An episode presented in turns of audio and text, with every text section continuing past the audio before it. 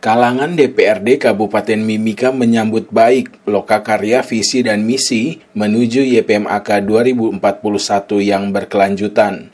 Lokakarya itu digelar 23 dan 24 Maret 2021 di Aula Utama Gedung MPCC YPMAK Jalan Agape, melibatkan kurang lebih 50 tokoh masyarakat terdiri dari unsur pemerintah, lembaga masyarakat adat, intelektual, tokoh agama, pemuda, perempuan, dan dari PT Freeport Indonesia. Kepada Radio Publik Mimika usai kegiatan di hari pertama 23 Maret, tokoh perempuan Angmume, Ancelina Beanal, yang juga anggota DPRD Kabupaten Mimika, mengungkap apresiasi bentuk pencarian visi misi YPMAK yang sebelumnya beralih dari bentuk lembaga ke yayasan.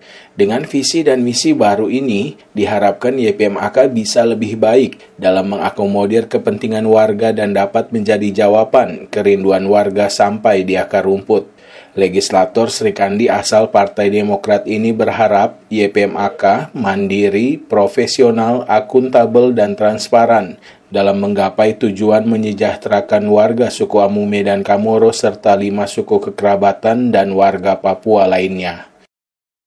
Untuk kegiatan hari ini memang ini harapan yang sangat besar bagi kami dua suku besar suku Amume dan Kamoro dan lima suku kekerabatan lainnya harapan besar karena apa? Dengan agenda ini kita mau merubah visi dan misi dari LP Maka menuju ke YP Maka, menuju kemandirian 20 tahun ke depan lagi.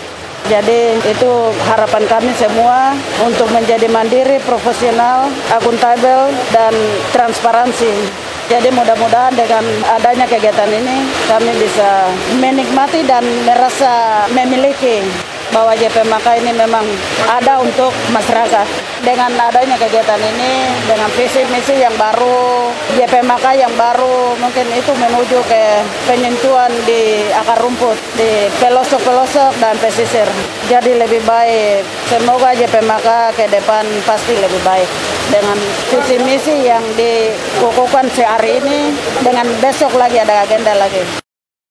Angelina Beana, legislator DPRD Mimika asal Partai Demokrat dari Dapil 5 wilayah Pegunungan Mimika itu menambahkan, penyusunan visi dan misi YPMAK menuju keberlanjutan sampai 20 tahun ke depan itu dinilainya sangat penting, lantaran menjadi acuan dalam penyusunan program pemberdayaan masyarakat yang dilakukan YPMAK bersumber dana dari PT Freeport Indonesia itu. Oleh karenanya, Angelina berharap Segenap tokoh yang hadir dalam loka karya ini dapat mengerahkan segala pemikiran terbaiknya untuk hadirnya visi misi baru YPMAK bagi peningkatan kesejahteraan warga asli di Mimika. Reporter Tora Immanuel, Radio Publik Mimika.